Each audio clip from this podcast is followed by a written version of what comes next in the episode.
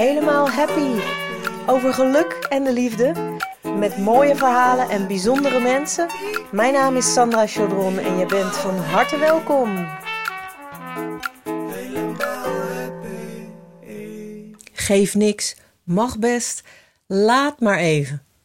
Dit is alweer aflevering 4 van mijn gloednieuwe podcast, waar ik het in mijn eentje ga hebben over verbinding, verandering en Jan Geurts. Want ik begon met de geef niks, mag best. En die zul je mij best wel heel vaak horen zeggen. Want dat is ook een van de sleutels van mijn helemaal happy zijn. Jan Geurts is een Nederlandse schrijver voor wie hem niet kent, die meerdere boeken heeft geschreven. Hij is begonnen met het boek over uh, een boek uh, om te stoppen met roken. Dat heet De Opluchting. En Jan was toen nog in een uh, andere fase van zijn leven. En daarna ging hij meer uh, een spirituele richting uit. En kwam zijn boek Verslaafd aan Liefde tot stand. En eigenlijk vanuit de Verslaafd aan roken kwam hij, kwamen er meer mensen op zijn pad die uh, met verslavingen te maken hadden of met mensen die verslaafd waren, zoals uh, een familielid of een gezinslid. En die mensen gingen vragen aan hem stellen over uh, andere verslavingen. En op een gegeven moment ontdekte Jan dat er een verband is tussen iedere verslaving, dat er een basisprobleem eigenlijk in de wortels zit. En dat je dan uitkomt bij um, je zelfbeeld. Hoe jij omgaat met jezelf. Ben jij je beste vriendje of niet? Of ben jij steeds jezelf aan het oordelen?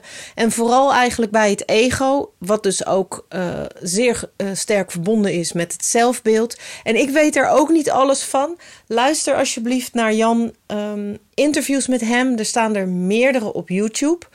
Als je interesse hebt, als je vragen hebt, kun je me natuurlijk altijd een mailtje sturen. Maar je kunt ook gewoon um, naar interviews kijken of zijn boeken lezen natuurlijk. Maar in ieder geval, bij Jan Geurts gaat het vooral over wat ik zo mooi vind, eh, wat hij uh, mensen leert, is dat jouw zelfbeeld, hoe jij denkt over jezelf en vooral hoe je oordeelt over jezelf. En dat doen we allemaal, echt waar. Ik ook nog steeds. Alleen ik heb door trainingen die ik bij Jan heb gevolgd. En uh, ik ben ook uh, bij de zomercursussen geweest in Frankrijk. Vorig jaar uh, week 1. En dit jaar had ik het geluk dat tussen de lockdowns door we toch de week 2 door konden laten gaan. Um, heb ik heel veel van hem geleerd. Dus daarom wil ik toch daar in deze aflevering jullie wat over vertellen. Want je zult zo vaak, zeker als je de boeken van Jan gelezen hebt, zul je dingen terug horen komen. En ik ga niet zeggen dat ik een fan ben, want uh, dan zou uh, Jan Geurts, ik hoor hem al in de lach schieten. Dat is het niet, maar ik heb wel heel veel van hem geleerd. Maar niet alleen van Jan Geurts, ik heb heel veel boeken gelezen en trainingen gedaan. En er is nog heel veel wat ik niet weet. Dus als ik iets zeg waarvan je denkt: sorry, lieve Sandra, daar klopt helemaal niks van. Laat het me weten, want ik leer heel graag nog bij. Het thema van mijn eerste afleveringen, en ik heb gezegd de eerste tien, maar misschien gaat het wel langer door, is verbinding. En daar kom je ook weer terug bij die zelfliefde, bij het zelfbeeld. Want om verbinding te kunnen maken met elkaar, en voor mensen is verbinding maken gewoon ontzettend belangrijk. Het is essentieel voor een gelukkig leven om je verbonden te voelen met mensen om je heen, om verbindingen aan te gaan met anderen, relaties te hebben. Of je het nu wil of niet, je gaat gewoon relaties hebben met mensen, met je werkgever, met je buren, um, je kinderen, je familie. En ook al heb jij misschien helemaal geen contact meer met familie en leef je vrij uh, uh, alleen, dan nog op het moment dat je boodschappen gaat doen, maak je heel kort ook verbinding met een cashier, met iemand uh, die je in de bus tegenkomt. Dus verbinding maken is een dagelijk iets wat we vanzelfsprekend doen. En, en we hebben het ook nodig. Maar om goed verbinding te kunnen maken met een ander, is verbinding met jezelf essentieel. En hoe is die verbinding met jezelf? Ik heb heel lang een hele slechte verbinding met mezelf gehad. Ik heb heel lang niet willen voelen, om het maar zo te zeggen. Ik kon niet omgaan met mijn gevoelens en daarom uh, ja, heb ik die heel lang vermeden. Natuurlijk zijn gelukkige gevoelens, hè, blij zijn, tevreden zijn, uh, het naar je zin hebben, dat is, dat is niet moeilijk om mee om te gaan. Maar um, verdriet, boosheid, frustratie, irritatie, dat zijn dingen die ik allemaal, ja, net deed alsof het er niet was.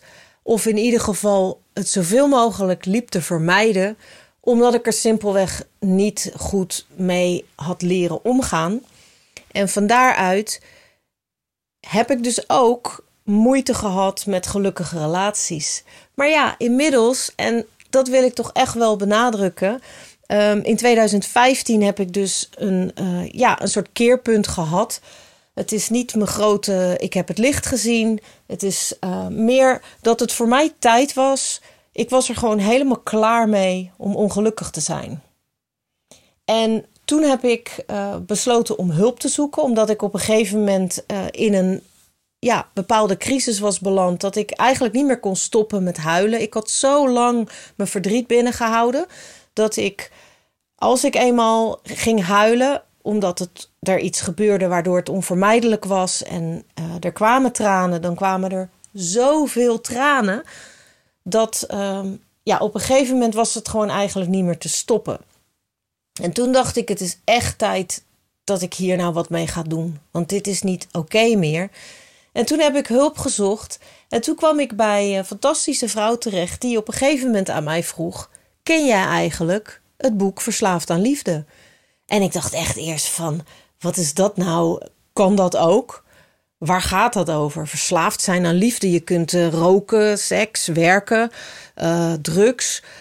Hè? Ja, je kunt ook verslaafd zijn aan eten, maar aan liefde, hoe dan? Maar het gaat natuurlijk over een zeer ongezonde behoefte en het nodig hebben van liefde, aandacht en uh, bevestiging, goedkeuring van anderen. En dat is iets wat ontstaat als jij geen goede verbinding hebt met jezelf en jij hebt geen goed genoeg gevoel van eigenwaarde, waardoor jij dus aan jezelf genoeg liefde geeft en je jezelf op een heel gezond niveau uh, waardeert. En um, je blij bent met jezelf, met je leven. En um, ja, eigenlijk ook jezelf goedkeurt. Dus die waardering en goedkeuring heb je dan niet meer nodig van anderen.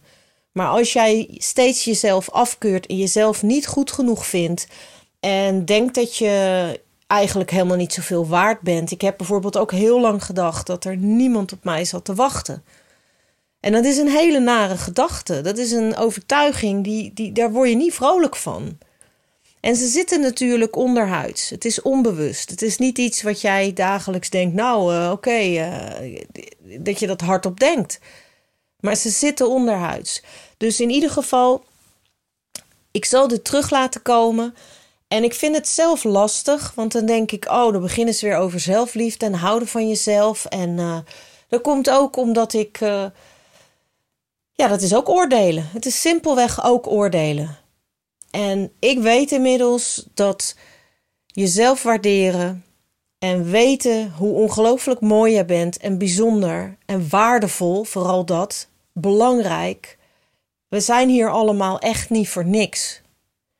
Want ik denk, anders was je er niet geweest. Als jouw aanwezigheid in dit leven niet nodig was geweest of niet belangrijk was geweest, dan was je er nooit geweest.